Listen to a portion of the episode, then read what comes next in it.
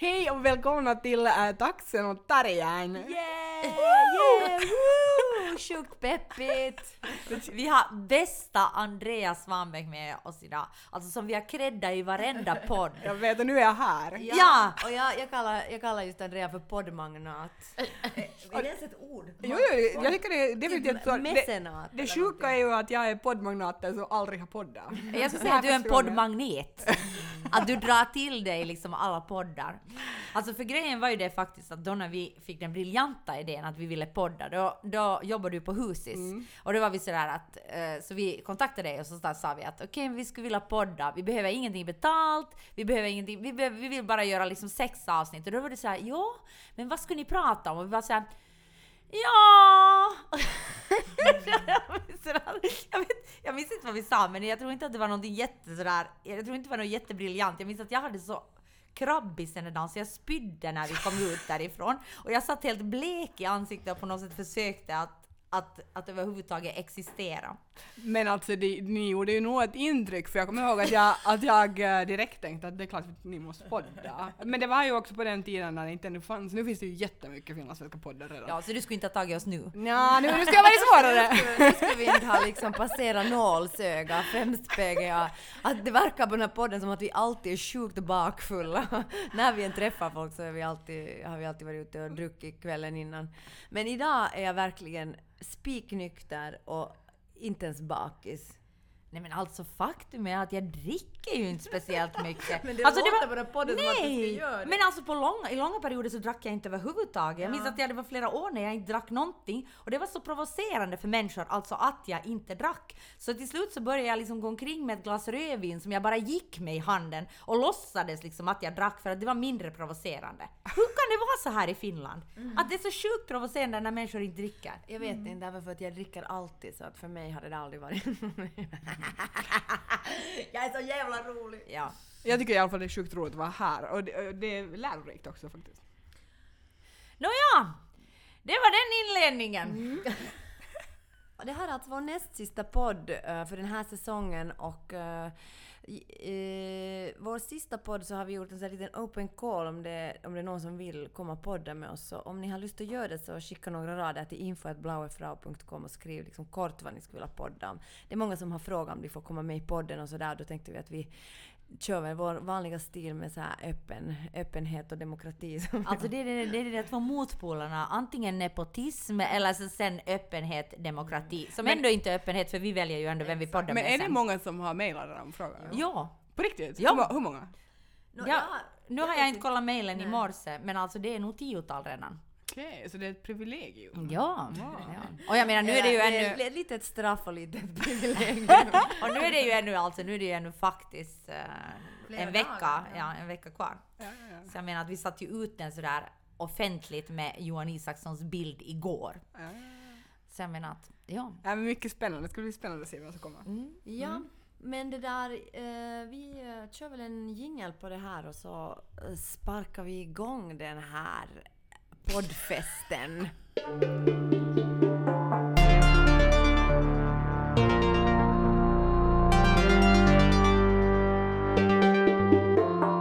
Taxen och terriern, taxen och terriern. Taxen och terriern, taxen och terriern. Taxen och terriern, taxen och terriern. Taxen och terriern, taxen och terriern Eh, vi har ju idag då en bok eh, som vi har läst. eh, Ja, allihopa. för att förlaget då, Exakt. som ju är ett förlag som Sonja säger, men som jag nu har sagt i två poddar, så har då alltså... Köpt oss er. Ja. ja precis. Ja, vi har sålt Reven, som jag då har sagt många gånger. Nej, men, alltså så här, offentligt så är det ju ett samarbete. Ja, ja. ja, men det är roligare att säga att vi har sålt Reven. Ja, det är det. Nu kan man sälja reve i ett samarbete också. Jag sitter ju repre- som representant här så jag måste säga så. Är, ja, är du representant eller är du dig själv? Vem Ja, representerar du nu? Det är det jag vill ja, veta. Det är ju en jätteviktig fråga i Ja. det här sammanhanget. Jag skulle nog säga att det är både och. Nästan. Du Är har två, ha- du Ja, har två jag har hattar, två på huvudet. Mm, du Tre måste fundera kanske. vilken skinka du sitter på nu liksom, när du säger olika saker så jag vet hur jag ska förhålla mig. Men så är det ju, alltså, Ja. det, det är ett faktum. Ja, Men om, vi har läst en bok. ja, Ja, ja vi- vi har läst Och den! vi kan ju prata om det nu och sen det där ser vi, ser vi om hur mycket av, av liksom det här materialet vi måste klippa bort. Kanske det här blir en jättekort podd som princip bara inledningen och, och sen that's it. Podd, reklam, slut. Jingel på det. Nej men alltså vi har, vi har läst, eh, vad heter det nu, Annika Sandelins bok eh, som heter Pinsamt och livsviktigt, uh, Jokos nattbok. Mm. Och det, det är alltså en bok som är riktad till 11-åringar ungefär. Är Ja, eller det handlar om en Just det, 11-åring. så Men den man är kan, jag tycker nog man kan läsa det, eller jag, liksom, jag hade jätteroligt när jag läste den här fast jag är då 33 själv. Mm. Men det är ju en, en, barn, en bok som kanske främst, tycker jag, riktar sig till typ 10 till 15 kanske. Men 15 om du är, ja, kanske börjar läsa vuxenböcker eller lite mer. Mm. Mm. Ja. No, I alla fall så det handlar om Joko och hon äh, lever i en familj med sin familj och det är egentligen det är hennes nattbok istället för en dagbok. Äh, skriver hon på natten om allt som hon tänker på och som hon äh, är med om och som hon stör sig på med sin familj speciellt. För hon, den här familjen är ju lite, ja men den är ju som en vanlig familj kan man väl säga egentligen. Ja, alltså de lever ju, de lever, liksom, det handlar ju egentligen om så här familjedynamik ganska mycket också skulle jag säga. Om hur uh, barn, man som Jocko då försöker komma överens med sina föräldrar och försöka fatta sina föräldrar. Mm. Uh, ja, nu känner jag att luften gick ur här lite. Nej, men vad bra. Jag kan fortsätta för min luft kom just till mig. Jag känner mig väldigt uppblåst. Nåja, men alltså jag, jag skrattade alltså sjukt mycket när jag läste den där boken. Alltså för att jag kände igen mig. Alltså igenkänningsfaktorn var alltså i, Johan, alltså min, min pojkvän som står här bakom och jobbar. Det är, lite, det är lite ovant faktiskt att han är här i rummet. Liksom. Jag brukar bara prata om honom. Men att, men att vad heter det, han sa att sådär, är den rolig den där boken? Eller du läser liksom en bok för 11 är det rolig? Och så sa jag, nej alltså jag känner bara så sjukt mycket igen mig för att det finns alltså sådana beskrivningar som skulle kunna vara tagna ur min familj. Som till exempel, nu det här är kanske lite spoilervarning, men de ska åka ut till en holme i alla fall. Och så sen när de kommer dit så hittar de inte den där nyckeln, för det första var den gömd, och sen när de ska dra igång den här hela snurran så funkar inte den. Det är liksom bara någon båt som de ska ta, och den där snurran, de får inte liksom den där snurran igång överhuvudtaget. Jag tänker på alla de tusentals gånger när vi har åkt ut med pappas båt, alltså, eller med vår båt som pappa har byggt. Alltså han, han, är, han bygger det mesta, han har byggt en husbil, en båt, och allting fungerar i princip. Men sen så står vi plötsligt ute någonstans långt ute på havet och det är liksom åskar och vi kommer ingenting och så säger vi och pappa säger inte denna problem, inte denna fail. fel. Och det här liksom alltså, jag bara tänkte att det var, det var så mitt i prick liksom. Alltså min, min, favorit sen i den här boken är när de här föräldrarna börjar gräla om vem de ska rösta på. Och, och det är liksom, pappan avslöjar att han då har röstat på en SFB-gubbe som Jocke refererar till den här personen. Och mamman då blir jättearg på det här och säger att, att det fattar du inte pappa, att du inte kan rösta på SFB, du måste rösta på någon som har ett socialt samvete. Ja. Och det där, och Jakob började fråga att vad, vad är det här? Och, och, och, men men de, var, varför, varför grälar ni om det här? Och var, var, varför, var, varför är SFP-gubben girig och varför är socialt samvete bättre? Ja, ja. Men, men det som liksom det leder till i den här boken är ju då att hon, sitter, hon skriver att hon är skiträdd att de ska skilja sig för att de grälar om politik. Och det är ju så här, jag vet inte, det tyckte jag också var det sådär raka vägen hem till min barndom. så här, att, man, att man sitter och liksom är skiträdd för att, för att ja, helt enkelt, man, man, man, man liksom känner på sig att nu är det, jävla, nu är det allvar liksom, nu flippar föräldrarna. Men jag tycker att det som jag tänkte på mycket i den här boken när jag läste den var liksom det här med att på något sätt att okej det här är ju en rätt så kaotisk familj på något sätt. Eller är det hennes liksom bild av den här familjen är att den, att den är liksom rätt så kaotisk. Men jag tänker liksom att jag har, jag har liksom, eller min uppfattning om min familj när jag väx- växte upp var att den var absolut inte kaotisk utan det var liksom raka motsatsen. Men jag tänker att men ändå var den sjukt kaotisk därför för att jag tänker att alla familjer är ju alltid liksom enheter som består av människor som liksom inte har valt varandra. Att jag menar okej föräldrarna kanske har valt varandra på något sätt men jag menar barnen har ju verkligen inte valt sina föräldrar och, och, liksom inte, och inte sina syskon heller. Så jag menar att jag tycker att alla, liksom alla familjer i sig är alltid på något sätt liksom rätt så konstiga enheter.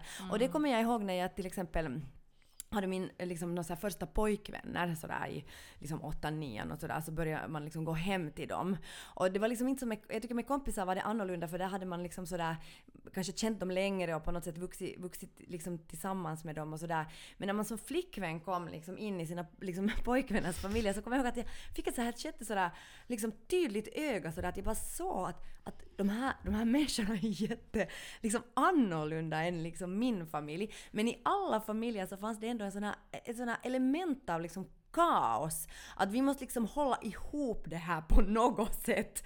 Och det där, jag tänker liksom att, att, att på det sättet är ju fa- familj liksom som, som, som koncept är ju ett jätte liksom en, en, ett intressant fenomen eftersom det ju är en, en, en liksom konstruktion på ett Ja, sätt. eller det som du sa igår också när vi pratade liksom bara kort om den här boken så sa du nu, nu alltså citerar jag dig. Eller jag kanske citerar dig fel. Men, du, du, ja, men du pratar liksom mycket om det där liksom att den där egna familjen, att du så länge tror liksom att den där egna familjen är det enda normala. Att, och att sen liksom när du fattar då att nej men okej, att det här är kanske speciellt eller liksom att okej, det här är kanske unikt. Och det tog ganska länge för mig. Jag minns när vi började på Teaterhögskolan så tyckte jag att alla kom från så otroligt liksom speciella och hade så jättemycket konstiga saker. Och jag minns att eftersom hela Teaterhögskolan också handlar på något sätt om för mig att bli av liksom med min bakgrund för allt som hade med det österbottniska var så fel. Att det liksom fanns ingenting som liksom var som, jag menar, det var fel på hur jag pratade, det var fel på allting som hade med Österbotten att göra. Också för att det inte fanns en tradition, det var jättelänge det hade kommit in och österbottningar liksom till skolan, så den var så otroligt liksom Helsingfors-centrerad. Så gjorde det det att i två år så jobbade jag, tre år så jobbade jag stenhårt för att bli av med det och då blir ju också den där liksom familjen eller den där bakgrunden någonting som jag ska bli av med istället för någonting som jag ska använda. Tills jag var på Vasa Teater och vi gjorde en pjäs då på dialekt och där jag på något sätt plötsligt fattade att nej men va? Okej, hej! Hej, det här är någonting unikt som jag har. Liksom som har med min familj och min bakgrund att göra. Men jag tänker, ja, så att, så att jag tänker, och, och, och nu så tänker jag att jag är, att jag använder ju jättemycket liksom av min, jag tänker på min syster nu, hon gjorde en doku, hel dokumentär nu om liksom vår bakgrund och vår familj och jag liksom, jag tycker att jag använder massor med material, både som konstnär liksom och, och förstås som privatperson har jag ju med mig allt det där. Som har med familjen att göra. Men, ja. Nej, men jag tänkte bara säga att det, alltså, det som ju Yoko gör när hon skriver den här boken är också att hon reflekterar jättemycket över hur eh, hennes familj inte är normal. Alltså hon är ju verkligen medveten om att hon, hon är nästan sådär plågsamt med, jag, det kände jag igen mig jättemycket i för jag hade liksom helt samma känslor av att liksom alla är galna. Liksom, I min familj är galna och alla andra är normala. Eh, och, och på något sätt så, ja, sen, sen ger det ju tröst att Jo, man, att man liksom fattar att olika- man är, ja, Det är ja, ändå två olika saker. Ja. För jag menar att, att jo, för visst, jag hade också liksom att vi är helt galna, liksom, att vi är inte som alla andra, liksom, tänkte jag, alltså hela min uppväxt. Men det finns ändå en liksom normalisering ändå att det här är ju min verklighet. Alltså på det sättet menar jag, att, att det är kanske typ två lite olika saker. Men det där, ja jag förstår precis, Ja. men det där var intressant för det som jag tänkte på när jag läste mest den här boken var alltså trygghet och sådär att känna sig, och jag tänkte så här att, att för det händer ju en massa saker just när de åker ut i, hon, henne, de möter, åker ut i en stuga där blir blågröna alger och det liksom, och det blir, och det kommer, hans, pappans patienter kommer hem till dem när de mår dåligt, pappan är psykolog och de kommer hem och liksom våldgästar dem typ och sånt och det, och det liksom händer en massa saker som på något sätt ändå är ganska påfrestande för en, för en 11-åring så här för att bearbeta, nu låter det inte så dramatiskt, men där, är- det finns en massa sådana saker. Ja. Och då liksom tänkte jag på det att fan vad nice ändå att det där till exempel att man, kan, att man har förmågan att själv skriva och formulera det. Mm. det är ju liksom, det är ju egentligen den där yttersta tryggheten som man känner att det går att, att allt det här som jag är med om, alla de här sjuka rajvorna som min, min mamma får och min pappas konstiga tankesätt och mina barn, liksom att, att, man, att jag kan formulera det, det är väl den yttersta på något sätt tryggheten, att man kan hantera. Men skrev ni dagbok? Ja. Ja, ja eller skrev, skrev ni ännu dagbok? Äh, jag, jag skriver dagbok när jag mår dåligt typ nu. Ja. Ja. så du har sån här ångestbok? Ja. Ja, Ja, just den är, det. men det är ju hemskt för att, och det, det är faktiskt jättehemskt för när man tittar på det nu så är man sådär att herregud har jag någonsin varit glad? Men det, jag är ju glad för det mesta liksom. Men jag tycker eh, att det fanns en prestation för mig att skriva, alltså jag kan bli liksom sådär att det fanns en prestation för mig att skriva, för jag skrev dagbok också i perioder.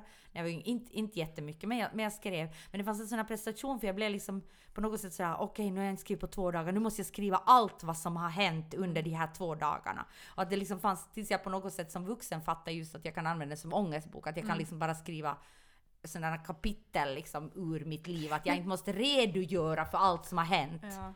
Ja, för det, det är någonstans, det är liksom där på gränsen, jag tycker hon redogör ju nog väldigt noga Jakob hur hon gör, men Ja. samtidigt så, så ser man den här liksom tendensen att, att här är ett sätt att liksom för mig att bearbeta allt det här också. Och jag tycker det, jag gjorde åtminstone, tycker jag, om jag nu minns rätt, att det var nog liksom det som var yttersta syftet, att man, jag fattar inte det här så jag måste försöka liksom, genom att formulera det, försöka förstå det. Ja, men sen fanns det liksom den aspekten för mig att, att liksom, det fanns alltid det där att ska jag nu skriva som det på riktigt är? Eller som jag skulle vilja att det skulle vara? Eller som jag tänker att jag skulle vilja att jag skulle vara i den situationen? Men vad tror ni Jocko gör då? Ja, jag vet inte. Jag, ja, alltså jag tänkte på när jag... Ja, sorry. Nej, Nej. Nej, men att jag tänkte på att när hon, när hon skrev så tänkte jag ja men det här är sant.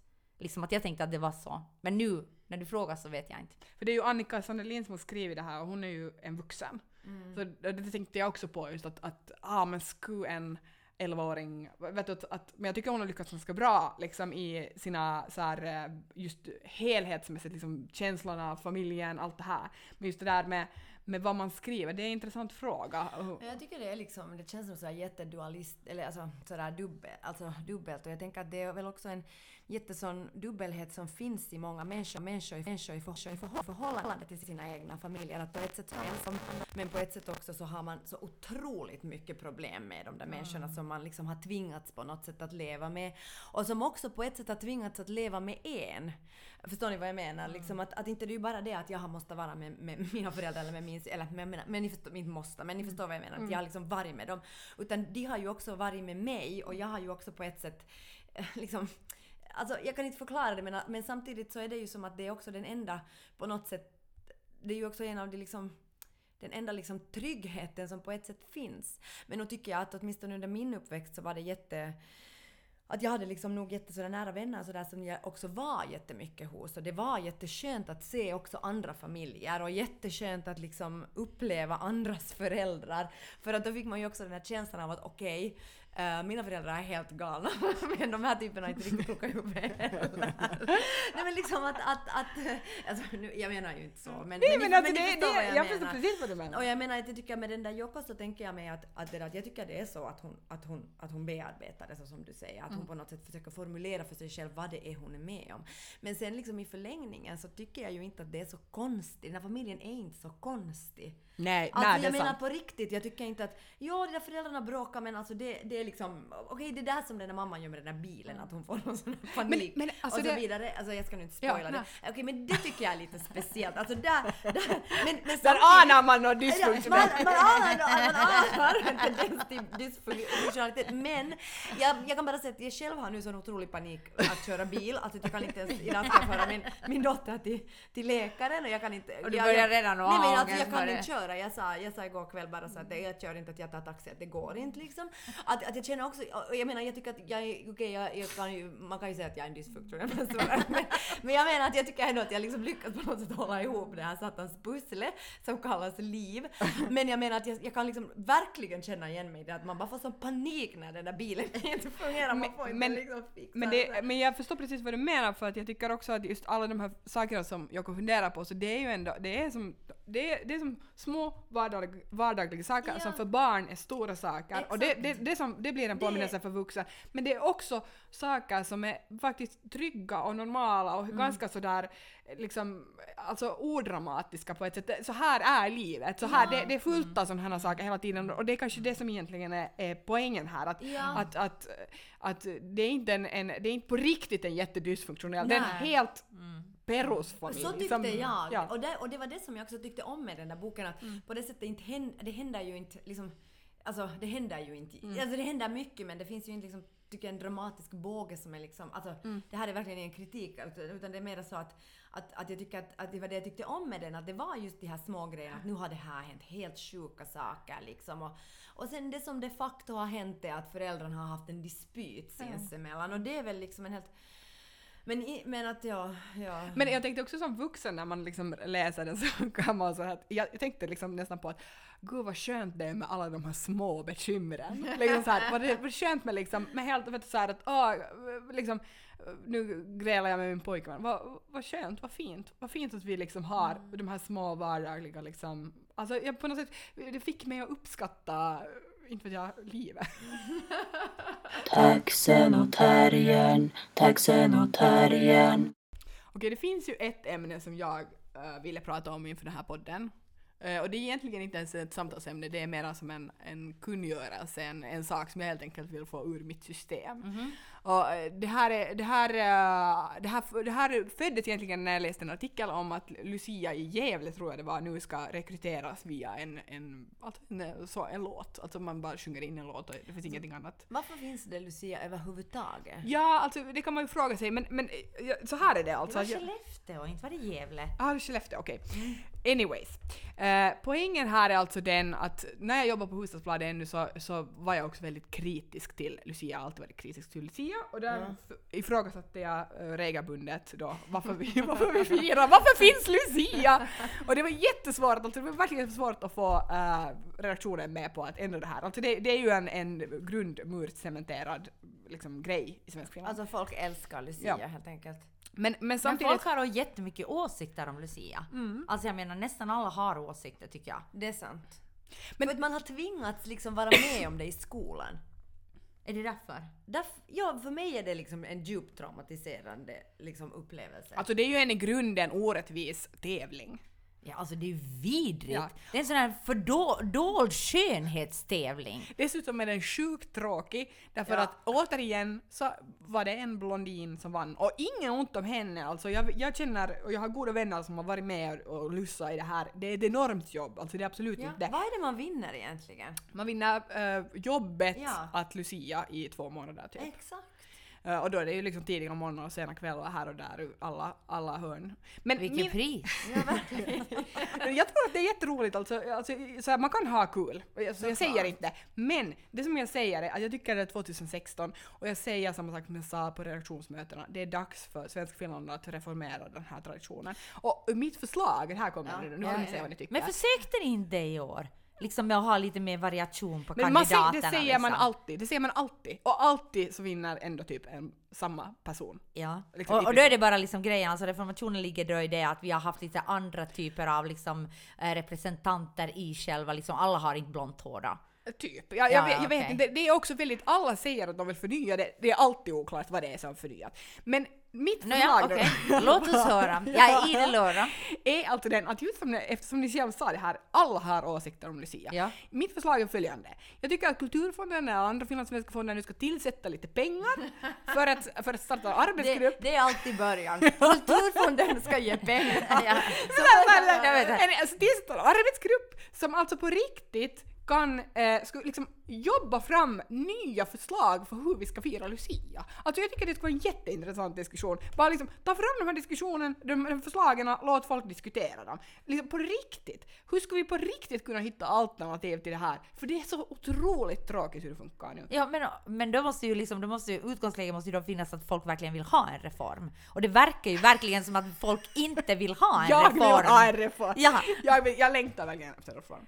Jag, jag, jag, jag tycker det Men är okej, va, va, hur, hur skulle din, alltså jag menar, för jag skiter på, på riktigt, alltså jag skiter i Lucia. Ja, ja, men- jag tänker liksom på, okej, det är en fin tradition, eller jag vet inte ens om jag tycker det är en fin alltså, tradition. till är det en fin tradition? Det är en fin tradition. Jag har själv varit Lucia för synskadade när jag var liten och det var, det, då, då gick det till så att jag kom in och de som kunde se lite såg lite ljus och sen fick de känna på min krona. Och det är ju också jätte liksom, det, det, jag, jag, jag ifrågasätter inte så att säga själva traditionen och det att vi behöver musik och liksom ljus och, och så här. Men det, men, en jag- men jag, miljon sätt att göra det där på. Exakt! Det är det jag säger! Det finns tusen sätt vi kan hitta på dem. Det skulle vara, tycker jag, jätte, jätte Alltså det är en sån jävla och- Lucia-hets i det här landet.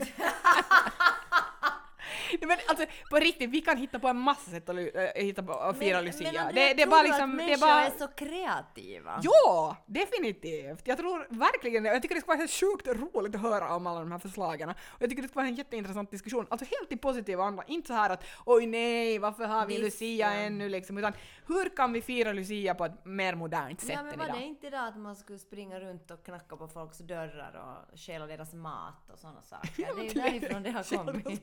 Jag kommer inte ihåg Jag menar att vi ska go back to the roots. Ja, jag menar jag i så fall, för det är, kanske det är jag som inte är så jävla kreativ. Folket är kreativt, Sonja inte. Okej, men alltså, som med alla goda projekt så ska det börja med att Kulturfonden chippar in några miljoner. och sen vad heter det? Men annars får man ju göra det själv, det får man ju ändå, så funkar det ju. Men, men liksom, eh, ja, helt enkelt. Liksom, jag tycker vi ska ha en diskussion om alternativa sätt att fira Lucia. Men alltså jag menar, det, var, det blev ju liksom då för några år sedan när de gjorde den här gruppen, alltså faktiskt på Pop Up Art House, vår, vår konstfestival som vi hade, så gjorde en, en grupp bestående av många olika människor gjorde en, en liksom sån här Lucia, vad kan kalla det, Lucia-installation, Lucia liksom eh, performance eller, eller vad du kan kalla det. Och de fick ju liksom så mycket skit alltså. Jag vet för en av, en av min goda vänner, Jasmin Harkimo, så, så jag menar hon men var vad med var i det den här för shit gruppen. de fick då? Ja, men alltså de fick ju massa sånt där att kom inte här och hacka. Nu, alltså nu, nu, nu alltså verkligen uh, shoot me if I'm wrong, men jag minns i alla fall att... Shoot me in the head. ja, shoot me Var det inte en sån här ljustekniker som en gång sa Ja. det åt oss? Ja, Och vi så, frågade hur är det, hur är det, Får- blir ljusen färdiga? Han bara shoot me in the head. alltså, då visste vi att vi skulle backa Okej, långsamt ja. ut ur rummet Ja, i alla fall. Bästa Men Chasse, i alla fall, så jag minns att de hade liksom fått en massa såna mail att, att de liksom, jag vet, jag vet, jag minns inte vad de sa de där mailen nu, för att det här är ju nu, är det ett, två, två, tre år sedan. Men att det blev liksom, men det blev i alla fall en jätte, jättestor debatt och folk var sjukt upprörda för att de hade liksom på något sätt vågat kritisera den här fantastiska Lucia-traditionen. Men alltså jag tycker vi ska gå beyond that liksom. Vi måste, vi måste, det ska inte ens handla om kritik, det ska bara, det ska bara vara lustfyllt. Bara nya idéer för hur man kan, det ska alla vara Lucia. Kan vi ha, kan, om vi inte, om, säg så här. Nästa år är det förbjudet att, rösta på Lucia. Hur ska vi kunna ha det då? Hur ska vi kunna se till att vi ändå får ha en Ja, jag är Lucia? för förbud. Ja, nej, men tänk liksom, vad, vad, vad är alternativet? Jag, jag, jag, jag Men liksom, alltså, jag förstår inte liksom alltså, då, måste, då tycker jag man måste fråga vad är meningen med Lucia? Att någon sjunger? Ja, och sprida ljus och uh, ha liksom... Men, men förstår ni att det- den är så kopplad till det här liksom röstningsförfarande och till den här liksom ena personen som igen får liksom vara the one and only. Liksom det ifrågasätter jag. Mm, Jag tycker det är en helt legitim ifrågasättning, men jag ifrågasätter mera så här att vad... Alltså kan man förnya någonting som är på något sätt i grunden så liksom institutionaliserat? Eller hur kan du förnya det utan att då liksom samtidigt kritisera? Alltså förstår ni vad jag Mm, menar? jag förstår, jag förstår. Att det blir liksom svårt för mig att jag tänker att den där typens traditioner är liksom på något sätt det är lite som vissa institutioner som man är sådär att, äh, vet ni, svenskis eller typ, äh, alltså vet ni, det finns sådana institutioner som man tycker att sådär i allmän åsikt, de borde göra det och de borde göra det.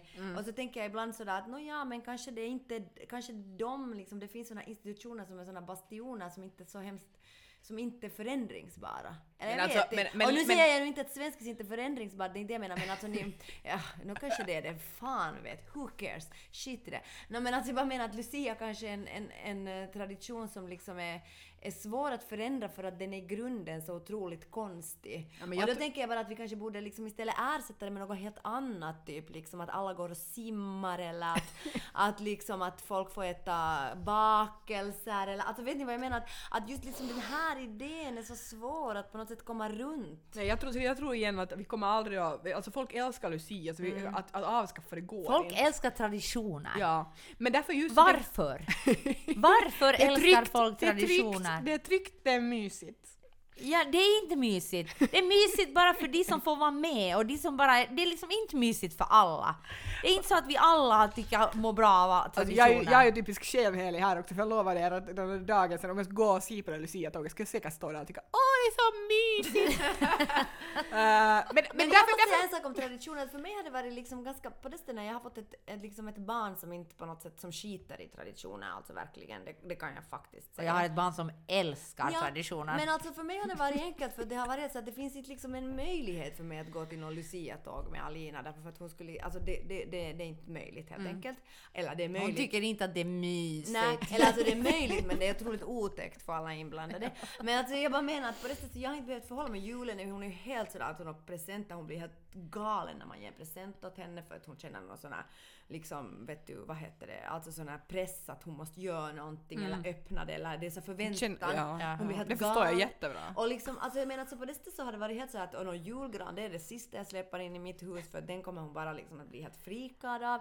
Så att jag menar liksom att, att, att för mig har det varit ganska sådär, jag har bara sett åh de här traditionerna, det är liksom för de här människorna som på något sätt liksom klarar av dem. Ja, det är det jag säger, att Ja. traditioner är inte för alla, det är bara för de som får vara med. Ja, som klarar av att liksom på något sätt vara i dem. Men sen samtidigt så kan man ju tänka att det är en enorm trygghet för någon annan. Men jag menar att jag har inte behövt, behövt liksom förhålla mig till det. Jag har inte haft ett barn som har sagt, förstår ni vad jag menar? Så här, jag vill att vi ska ha Lucia eller jag vill att det ska komma julgubbe. Utan jag har ett barn Men samtidigt så blir du ju jätteutesluten då. Jag menar, nu kan du ju liksom med ditt barn då, alltså, nej, inte kan du välja. Du kan inte välja att ta liksom med det där. Men jag menar att, att, jag menar att vissa kan ju då liksom välja om de är inne eller ute, men vissa har faktiskt inte något val. Men nog nej, vara nej, det är det jag menar. ja. Du har inte ett val. Men jag menar också människor som inte liksom får vara med liksom i julgranen, eller som inte har råd att fixa alla de där grejerna. Så jag menar, fuck traditioner, anarki, bort med alla traditioner. Nej men alltså, jag kanske är naiv men jag, jag tror på något sätt att det här kommer att ändras anyway. Och precis som liksom, vi har Magma som sitter och funderar på hur finlandssvenskarna ska vet du, fungera i framtiden. Då kan man lika gärna sitta och, fun- sitta och fundera på det här. Jag tycker det skulle vara jätteroligt dessutom att höra hur folk skulle kunna, om man på riktigt bara skulle gå in och liksom så här lustfyllt det är, fundera bara, på. det är bara att Kulturfonden chippar in miljonerna så då fan kan jag tänka ut någonting.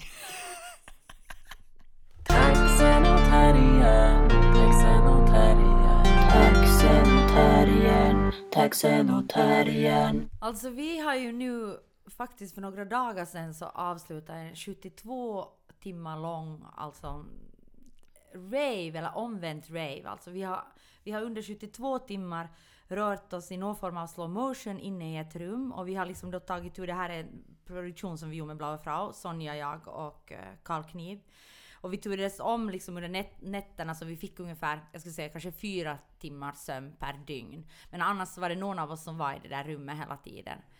Och att det skapar ju liksom någonting, alltså jag, jag tänkte mycket liksom på tid, för vi har pratat mycket om tid och att jag har uppfattat mig som en så på det sättet rast tidigare uppfattat mig som en så rastlös människa att jag har, jag har till exempel aldrig kunnat när folk har pratat om mindfulness och meditation så jag har liksom bara alltid när jag har lagt mig ner och mediterat så har jag fått panik. Jag har bara tänkt sådär vad fan alltså, när tar tiden slut, när tar tiden slut liksom.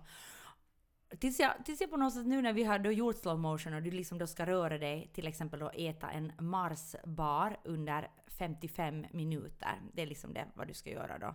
Så att jag menar att för mig så börjar jag så småningom existera i någon form av helt tidlöst liksom utrymme. Alltså på något sätt någon form av vakuum. Och, och det är bara så intressant alltså jag tänker att att hur, hur hela min värld är så uppbyggd liksom av tid och den där linjära tiden att den liksom bara för att jag går in i det där rummet och sen går in och slow motion så bara upphör den existera. Och nu när jag tänker tillbaka på de tre dagarna så känns det som en sjukt lång tid men det känns också som att det bara gick en timme och som att det på något sätt inte, inte förflöt någon tid.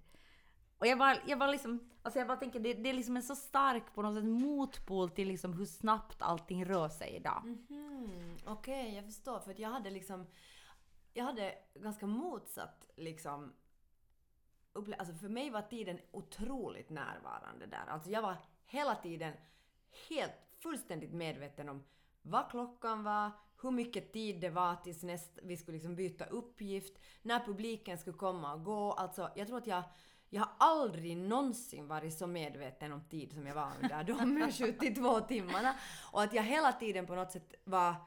Jag tror att jag när som helst så skulle jag kunna säga ungefär med 15 minuters marginal vad klockan var.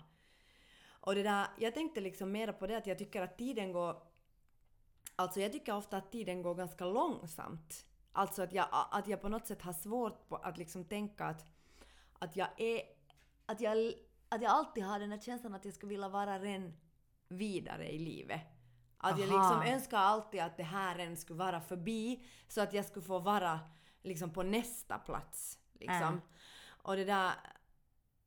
Så att jag, och jag tyckte inte, alltså för mig, för mig liksom var tiden rätt så, jag tycker den gick liksom i ganska samma takt som den går, som den går liksom, jag vet inte, det var liksom ingen, eh, jag hade ingen känsla av att tid och rum försvann. Och jag hade jätte liksom ångest över att publiken var där. Alltså, jag tycker att det har jag ofta när jag liksom...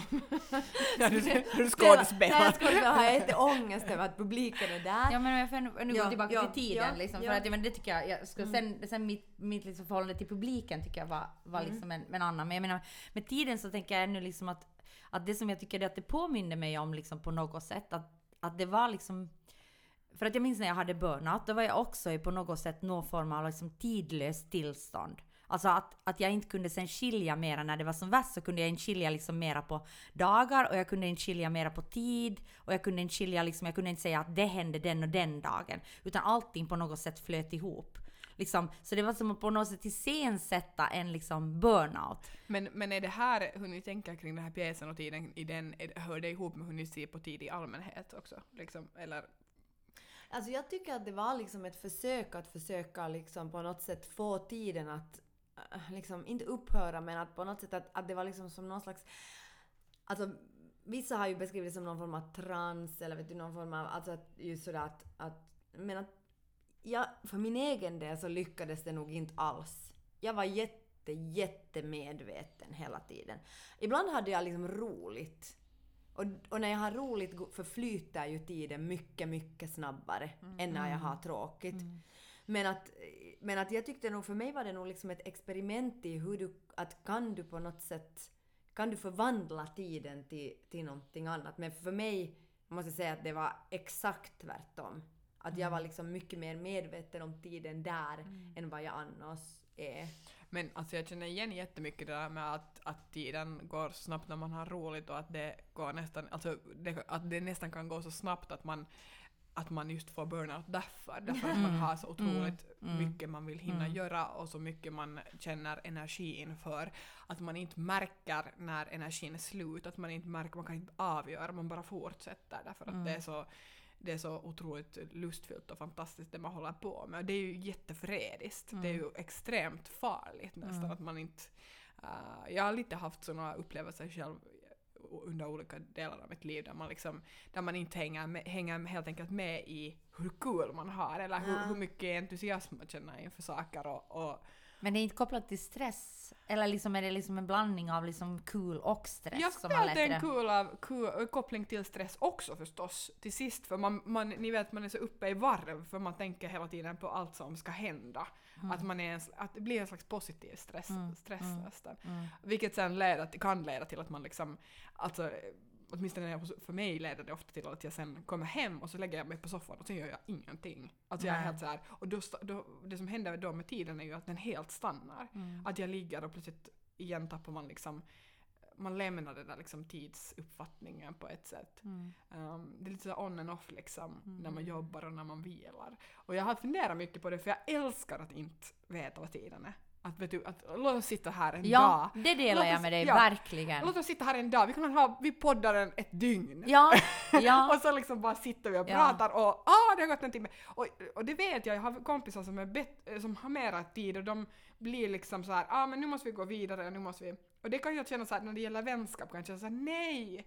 Med vänskap ska det alltid finnas liksom tid. Ja. Men sen när jag jobbar, då är det helt tvärtom. Då är jag sådär liksom tvärtom bara vidare, vidare, vidare, vidare, vidare. Det ska hända så mycket, det ska, det ska liksom hela tiden gå framåt på något sätt. Och då är jag, då är jag som mina kompisar som jag tycker mer har så här, också sitt privatliv i skick. Att jag vill att, att mitt privatliv ska vara en ändlös lång räcka Men nu kommer jag på ja, att det säg. har ju, tid har ju liksom jättemycket för mig liksom med ansvar eller ansvarslöshet att göra på något sätt. Mm. Att när jag känner mig ansvarig för saker, då har jag jättekoll på tiden och det liksom har ihop liksom med någonting som, alltså därför med jobb och sånt. Men, men för mig är liksom att inte ha ett begrepp om tid, till exempel på somrarna, att inte ha någonting inplanerat, att liksom bara ha ändlösa dagar. Jag går och lägger mig, jag vet inte ens om du klockan är liksom fyra på morgonen, jag bara liksom, jag bara existerar på något sätt. Och det har liksom en ansvarslöshet. Och där kanske då finns en liksom koppling, alltså om man går från tid då till det du ville börja prata om när jag när jag stoppade, så har det med publiken att göra också för att jag kämpar också jättemycket med, med den, den där ans har jag ett ansvar gentemot publiken eller har jag inte ett ansvar? Ja, jag förstår. Och när jag då liksom kände att okej, men jag har inte ett ansvar, då kommer jag in i en tidlöshet. Men med samma jag känner, nu har jag ett ansvar för publiken, då blir tiden viktig.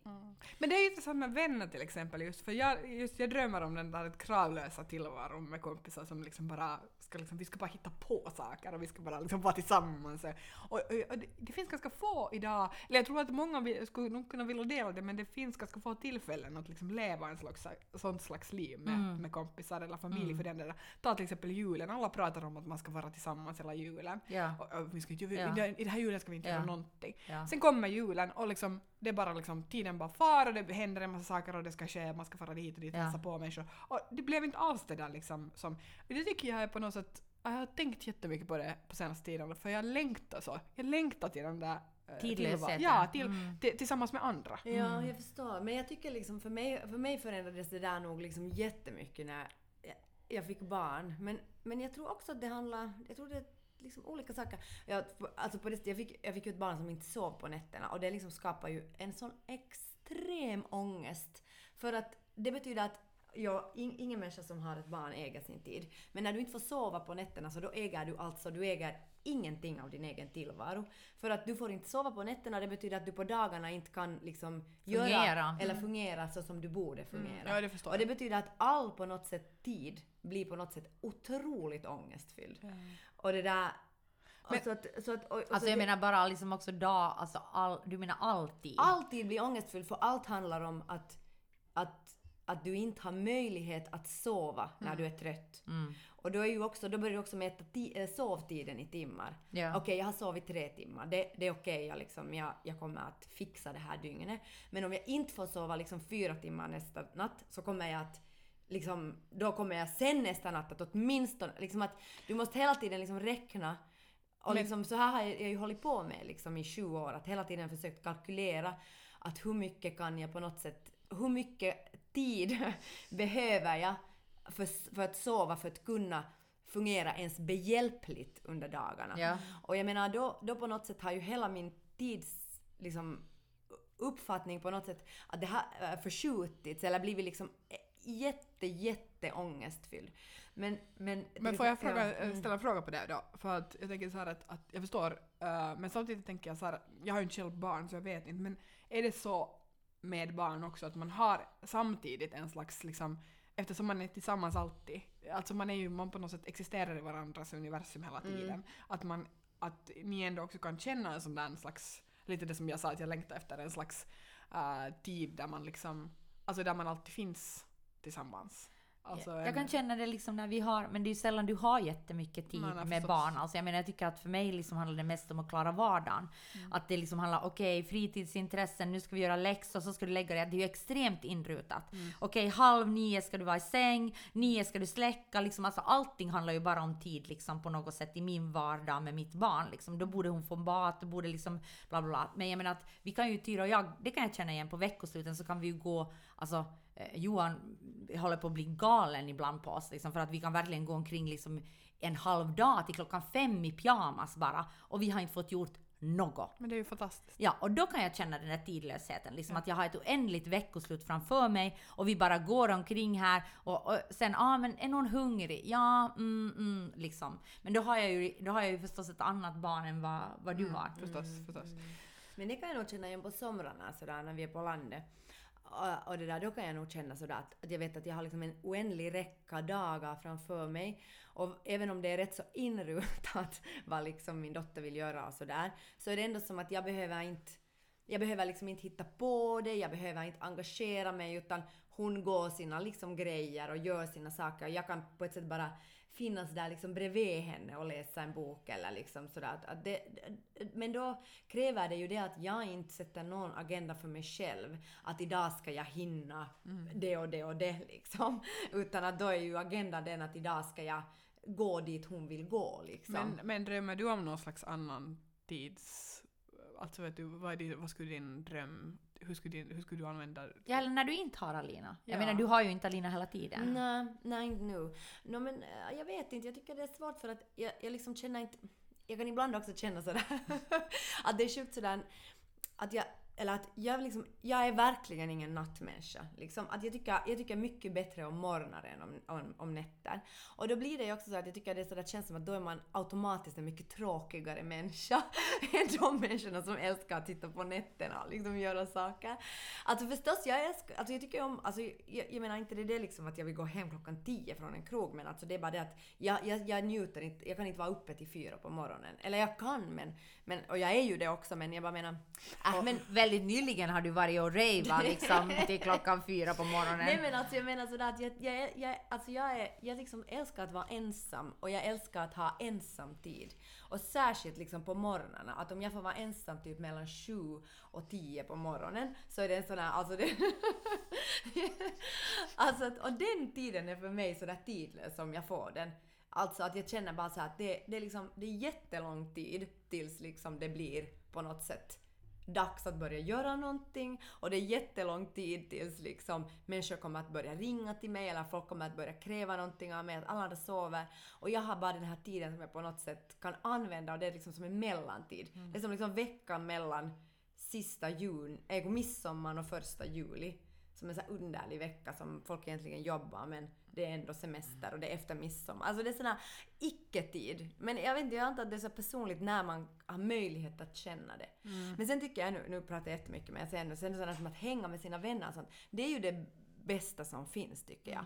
Och där tycker jag att det som kanske också har gjort att det har varit liksom ens möjligt att fortsätta liksom existera har ju också varit att vi har ju varit på jättekonstiga turnéer och på jätteunderliga resor liksom med bla bla med massa underliga människor och det har ju verkligen varit så här liksom tidlöst häng när vi bara har liksom på något sätt Hängt på hängt på hotellrummet. hotellrum och liksom, vet ni, förstår ni vad jag menar? Ja, ja. Det kan jag liksom verkligen så här, det kan jag verkligen tycka att är ungefär Och titta på taskiga Youtube-videos. Ja. Men jag tror, nu, nu slår det mig när du säger allt det här, att jag tror att det här, liksom den här drömmen om den här kravlösa tiden också hänger ihop med varför till exempel jag är en extrem tidsoptimist. Att jag tror alltid att det liksom finns mer tid än det finns. Och jag tror alltid att sån här, ja ah, men det där gör man snabbt och liksom så här, att jag på något sätt, vilket både är bra och dåligt för man hinner med jättemycket och samtidigt så felbedömer man saker jätteofta och man borde ge mer tid till det. Men det är liksom på något sätt, det hänger ihop med att man längtar efter, eller liksom man, man tror liksom, alltså jag tror jävligt hårt på att det ännu kommer, det där.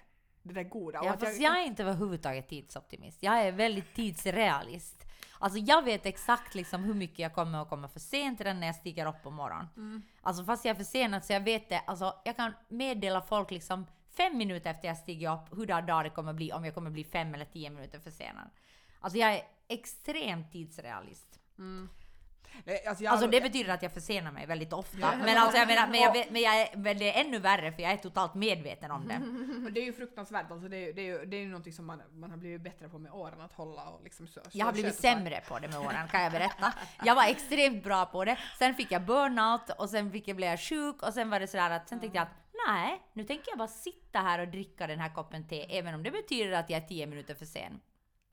Men mest är det väl bara att man hinner liksom, att ju äldre man blir desto mer hinner man reflektera över liksom, okej det där perioden i mitt liv då är jag liksom USA på att komma i tid, den där perioden i mitt liv var jag sjukt stressad, den där perioden i mitt liv jag hade till exempel en jättebra sommar i sommar där jag faktiskt liksom mådde sjukt bra som jag liksom inte mått. Och jag var så här oh my god den liksom på något sätt uh, det livet finns. Mm. På samma sätt som jag vet att det finns ett liv där det har varit jättehemskt eller jobbigt eller man har varit liksom, alltså, mm, liksom tidsrelaterat liksom för, för, för, förbryllad. Ja. Så, är det ja, alltså, ja. så det, är väl, det är väl den medvetenheten om att man kan leva olika sorters i olika sorters tider och Ja. med olika sorters tider. Det Och- tycker jag är underbart. Ja, och det är ju som med livet också, att det, det bästa är ju att det förändras. Hela sätt. tiden! Men vad var det du skulle säga om publiken? Jag avbröt Nej, nej, men jag menar bara att... mycket, Jag hade en obehaglig härskarteknik. Nej men jag härskar teknik av dig för Vi, det. vi gör det så. Ja, lät det jag. går jämnt ut. Give and take. Det är liksom. lite som Sipilä och Yle. Det är det. Nej, nej, men Det var det han sa. Jävla Sipilä! På riktigt alltså! På ri- jag Men det orkar är sjukt, det är sjukt, det är, det är så sjukt. Jävla Sipilä! Vad har vi för något? Alltså jag kan inte, jag kan inte, jag kan inte bo i det här landet. Nej, det är- Ja. Tack och lov behöver jag inte vara en politisk Men publiken... Alltså när vi rev, va? Alltså det var ju inte ett rev utan vi gick i slow motion i 72 timmar. Är vi inte bäst? Vi är så jävla bäst. Nej, men jag tänkte jättemycket på det. Alltså jag tänkte liksom på publiken. Jag pratade bara om den där ansvar eller ansvarslösheten som, som var liksom ganska sådär, som då hänger ihop med tid för mig. Som jag konstaterar just. Men jag menar bara att, att med publiken så var det också att, att den här känslan liksom att jag, att jag funderar jättemycket att är den här publiken här nu liksom för att på något sätt, ska jag underhålla den här publiken när jag dansar då ensam framför två kottar liksom mitt i natten mellan tre och fem? Liksom, eller var det två och fem? Jag vet inte liksom. Vem, de här vem två- var de här två kottarna? No, alltså det var nog två Det kottar. var bara 10 personer per gång som kunde komma och på natten var det, var det nog Var det mindre? Var det mindre än 10. Ja.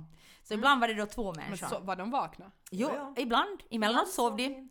Men alltså, de var då fyra timmar där och då, under den tiden råkade det ju säga att då Kalle och Sonja sov, så jag skulle då dansa ensam för dem då i tre Men timmar. Liksom. jag, vi har alla varit med. Ja, alla har varit med om det. Men- men nu pratar jag om min ja, vi upplevelse. men vi bara Ja. ja. Det var inte så att Kalle och jag stack och sov. Men alltså- och sen Så du, vi du dansade framför två sovande personer? Ja, typ. och gjorde slow motion åt liksom emellanåt. Och emellanåt någon period så var det ju också ingen som var där. Då dansade jag för ingen. alltså jag med. i det där rummet. Men, men jag menar att, att, att då, och då blir ju liksom en sån fråga väldigt stark. Att är de här människorna nu här för att jag ska underhålla dem ensam då i fyra timmar? Eller är de här människorna här för att hjälpa mig att genomföra? Att det liksom är lättare för mig att dansa liksom om de är här. Och det där liksom pendlar jag hela tiden mellan. Också för att vi inte tittar på publiken en enda gång. För att det var liksom en, en föreställning där vi på något sätt var inne i våra bubblor. Alltså vi tittade inte heller på varandra utan vi liksom fanns en sån här stenhård koncentration Ja, hela en gång tiden. tittade vi på varandra och då började vi skratta som vi skrattade säkert i 20 minuter. Men det var sista dagen Ja, när vi vi helt brakade ut, när jag inte Ja. kunde stå rakt och sen ser jag, sen ser jag Sonja ta tag i liksom ett, jag har just vinglat där på golvet, jag beter mig som en full efter tredje dygnet då, och så ser jag Sonja ska dricka och ta tag i liksom väggen som stöd och då alltså då får det totalt för mig. Alltså sen så skrattade vi och grät alltså i säkert 20-15 minuter liksom bara av att, bara av liksom och, utmattning. och efter det tänkte jag att det går inte att titta på Joanna. Det är bara Nej, går det går inte. Men, men som publik så har man nog kanske gett, eller liksom svårt att förstå på vilket sätt man kan hjälpa en skådespelare. Nej, men jag tänker att, att an, alternativet skulle ha varit om de där två kottarna inte skulle ha suttit där då. Så alternativet skulle ha varit då... att du kallar dem för kottar. Det är också en grym härskarteknik. Ja, det var ju två kottar. Nej men det var trevliga kottar. Eller vad vet jag? nej. Jag har ingen aning om vilka kottarna var så jag vet inte om de var trevliga Jag tycker det låter otrevliga. härligt. Ja. Ja. Nåja, de satt där under tylltyg och tittade så här. Nåja, men, men i alla fall... Ja, för publiken hade ju då uppgifter så publiken måste ju göra en massa saker dessutom. Det låter Men- det där riktigt rätt, lätt, här, härlig sak att sälja in. Men vi behöver inte sälja det mera för vi har haft våra 29 föreställningar är nu det på så nu behöver vi inte sälja det mera. Men jag förlåt att jag härskarteknik. Ja, härskarteknik av mig. Åh, det är så trevligt, så Ja, trevligt, så trevligt. är Ja, herregud. Är Jag, jag är jag älskar dig så mycket. Ja, jag Ja, du var på jättedåligt humör när du kom idag. Jag, Ja. jag, jag ska inte skoja Nej. på varför. Nej, det var mascarans fel. Nej, det var helt andra saker. Men det ska vi inte prata Nej, om. vi pratar inte Nej. om det nu. Men ja, på det sättet tänkte jag att publiken kan hjälpa mig. Jag tänker att en, en blick av en publik liksom på det vad jag gör, det gör det ju också verkligt. Om jag ska göra liksom den där saken ensam i ett rum utan så är det ju liksom väldigt overkligt att orka genomföra alla de där uppgifterna i tre timmar för mig själv i ett rum och sen gå och lägga mig då och sova fyra timmar och sen ska du komma in på nytt. Så att jag menar att en blick hjälper ju mig. Fast inte alltid. För Nej, inte alltid, men jag menar att det var där- Just det- jag ja. pendlar En blick mellan det. kan hjälpa dig. Ja, Nej men det var det jag, jag pendlade mellan. jag Och så sen var det ju också det att är jag här nu för att underhålla dem? De har ju ändå betalat. Så de har Mm. betalat för att komma och titta på det här konstiga spektaklet Mm. som jag på något sätt av någon anledning har valt att göra. Mm, mm. Men jag tycker för mig var det liksom jättestarkt det där att jag upplever mig alltid som ett objekt när jag är på scenen. Och för mig är det liksom en jätte liksom lättnad att få vara ett objekt. Alltså att på något sätt att när jag är på scenen så tänker jag att nu är det inte upp till mig att bestämma vem jag är, utan det är upp till publiken att bestämma vad de ser. Och jag har helt tvärtom.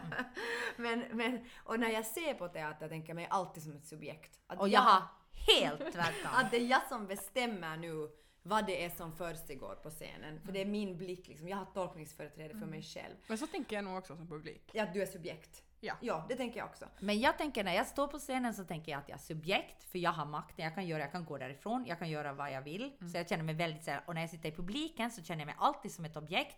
För jag tänker att jag är där för skådespelarna på något sätt. Att jag måste liksom på något sätt nu uppfylla liksom den här publikrollen. Jaha, det gör jag aldrig. Fast det beror på pjäsen också. Om det är Ja. dålig pjäs så blir man sådär, då känner man mer som ett objekt. Då blir man liksom, ju sämre pjäsen är desto mer objekt.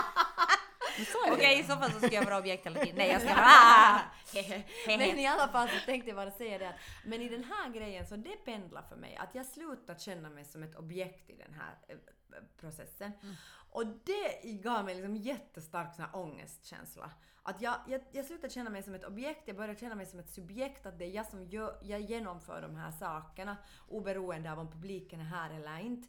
Och jag fick liksom otrolig ångest av att jag inte liksom fick den där på något sätt, på något sätt det där sköna eller liksom på något sätt den där varma känslan av att vara totalt tom liksom och bara ett objekt som någon liksom kan på något sätt definiera. Och jag tror att det, det var det som var kanske det absolut svåraste för mig. Och därför var det mycket lättare för mig på nätterna när det inte var någon. För då tänkte jag att då är jag ett objekt, för då är det inte, inte någon som ser mig. Alltså jag kan inte förklara det, kanske det är jätterådigt. Nej, nej, jag... Ja. Eller, Men det hjälper ju en också att på något sätt hålla eh, ställningarna och vara skarp tänker jag att det finns någon mera. Att man, ja, men jag tänker bara också på den här poddsituationen som ju är ny för mig. Att jag, jag intervjuade eh, Yrsa Stenius på en scen för några veckor sedan och jag, Mm. jag tyckte det, nu när jag tänker efter så hjälpte det jättemycket att där var massa människor och lyssna. Ja. För det gjorde mig liksom alert och det gjorde mig, men här nu när vi sitter så börjar jag vara såhär Åh herregud, det här podden är ju jättesvårt för att det, det, är liksom, det är bara vi som upprätthåller den här Ja. energin. Liksom. ja, ja, jag förstår. Eh, ja, så, så kan, när, ni, när ni säger det. Ja. Men det är kanske som skådespelare är man ju van vid att liksom repetera framför bara någon mer eller mindre inspirerande regissör.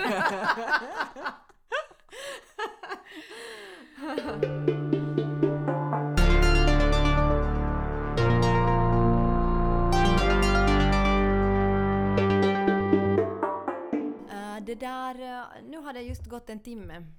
Vad ska vi göra åt det?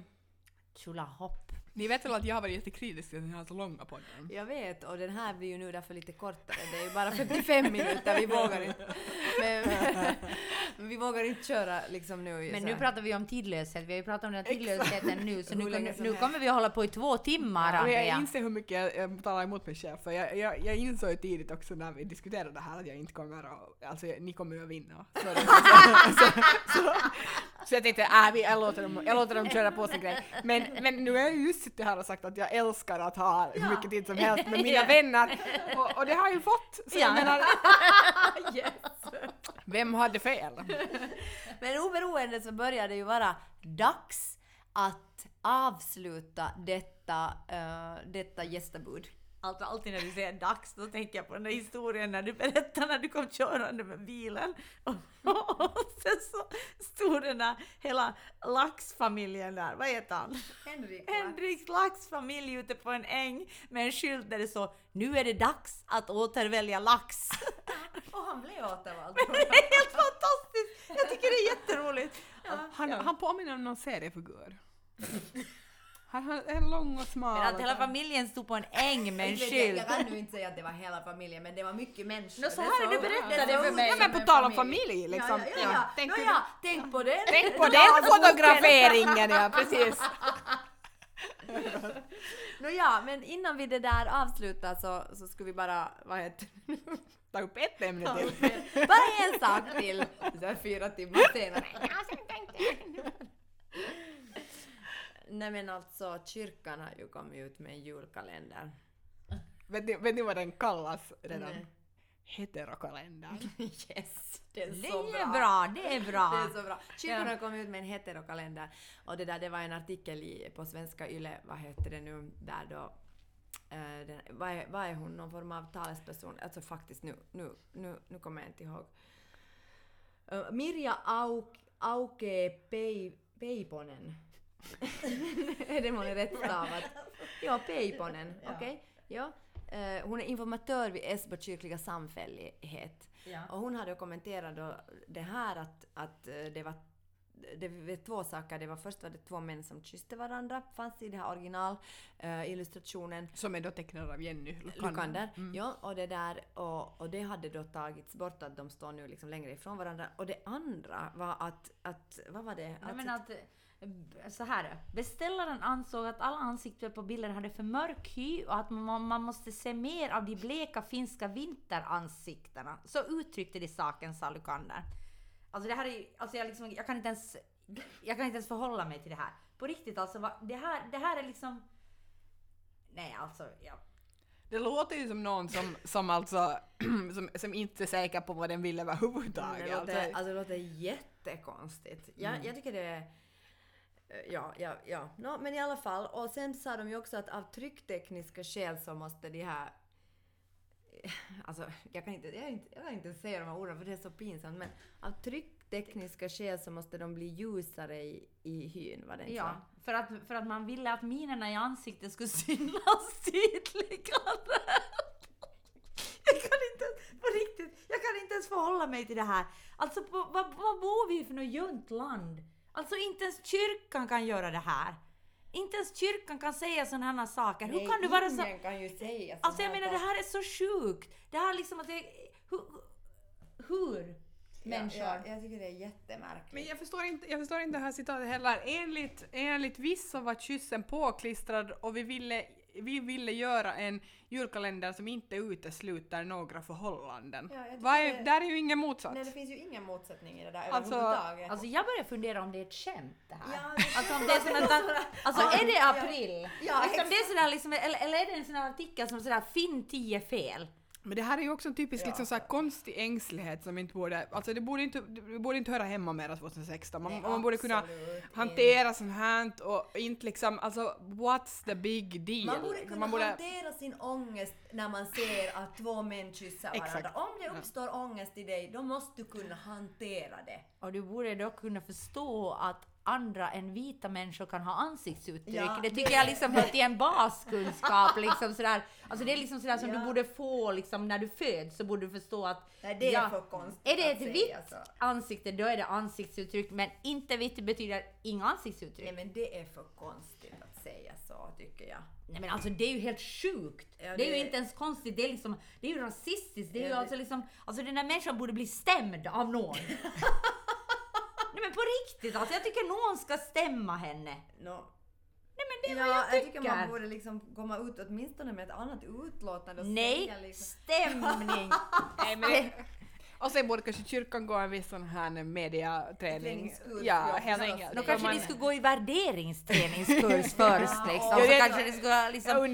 det. Ja, Ja, verkligen, och, ja. och verkligen mediaträning för det där är ju också, alltså man, man tänker ju att vad... Men det här är ju också, det känns ju också som en sån grej som att det är några personer som liksom har hamnat i, ni vet, i... Ja, i det, det är typiskt liksom så här att, äh, igen liksom att man det, det är, eller så, så ofta när sånt här kommer tänker jag åh nu är det några personer som liksom har suttit sig ner och, och inte kommit överens och det har Ja. uppstått något liksom missförstånd eller någonting och så har det liksom och så har det eskalerat och det är klart liksom det här är ju, det här, de framstår ju som idioter. Ja men alltså nu Äh. speglar det ju värderingar. Jo, självklart, alltså oberoende, man självklart. kan säga Men- att det är en idiot och du ska bli mediatränare och vad som helst men det speglar ju ändå värderingar Självklart, och det är ju det självklart, som är skrämmande. Och det är ju det som är så sorgligt också med hela det här, för det finns ju massor av människor inom kyrkan liksom, som säkert inte liksom, jag menar har någon skillnad eller har, har någon åsikt. Liksom. Absolut! kyrkan, och jag menar att kyrkan har ju verkligen nu en av de få instanser i Finland som har gjort någonting, öppnat dörrarna för papperslösa och sådana saker Mm. som jag menar verkligen är Alltså jag menar det är inte många andra instanser och kyrkan hör ju ännu till staten i Finland så att jag menar att det finns ju liksom bra... Nej nej. Och sen blir det en representant för hela kyrkan. Jo, jo, och det är ju bara liksom att, helt... att det här är liksom, alltså det här är liksom bullshit. De Ja. borde inte liksom... De Det är, borde inte, det är klantigt. det är så jävla klantigt av dem att göra Nej det är här. rasistiskt Ja. och homofobiskt, Ja. det är det vad det är. Exakt. Tack Johanna. Nåja, Nåja, med Jingel på det. ska vi sluta. Ja, Vi ska tacka alla människor. Hej men nu är det min tur att tacka er. Just det. Okej, no, men jag måste tacka oss ni har alltid tackat mig och nu är det tack, tack Johanna och Sonja för podden och för att ni poddar för att ni så envetet har kört och tack också för att ni kom med idén, herregud! Vad Ja, skulle, vad skulle, vad skulle Svenskfinland vara utan er? ja det undrar jag också. Det var roligt på Facebook där några.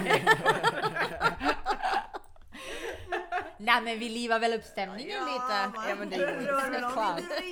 Såklart. Men Nej. tack till Systraskap som har gjort jingeln och till Johan Isaksson som har gjort vår jättefina logga och också superfina Och vill ni höra mer av systraskap faktiskt så spelar Ja. vi vår uh, elektropopkonsert med musik av systraskap, alltså bara om några veckor på Korgen och säkert för sista gången Mm. i Helsingfors. Så om ni vill höra den här fantastiska jingelmusiken men med våra ljuva stämmor så kom till Korgen. Och Systraskap spelar 9 december på Södra Teatern i Stockholm.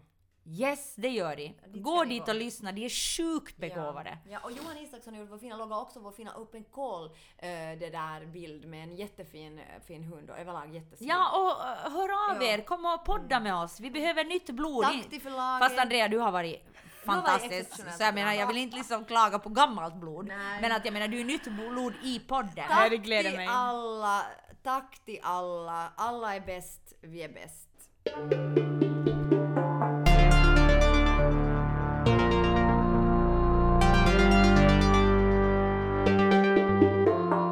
Taxen och terriern, taxen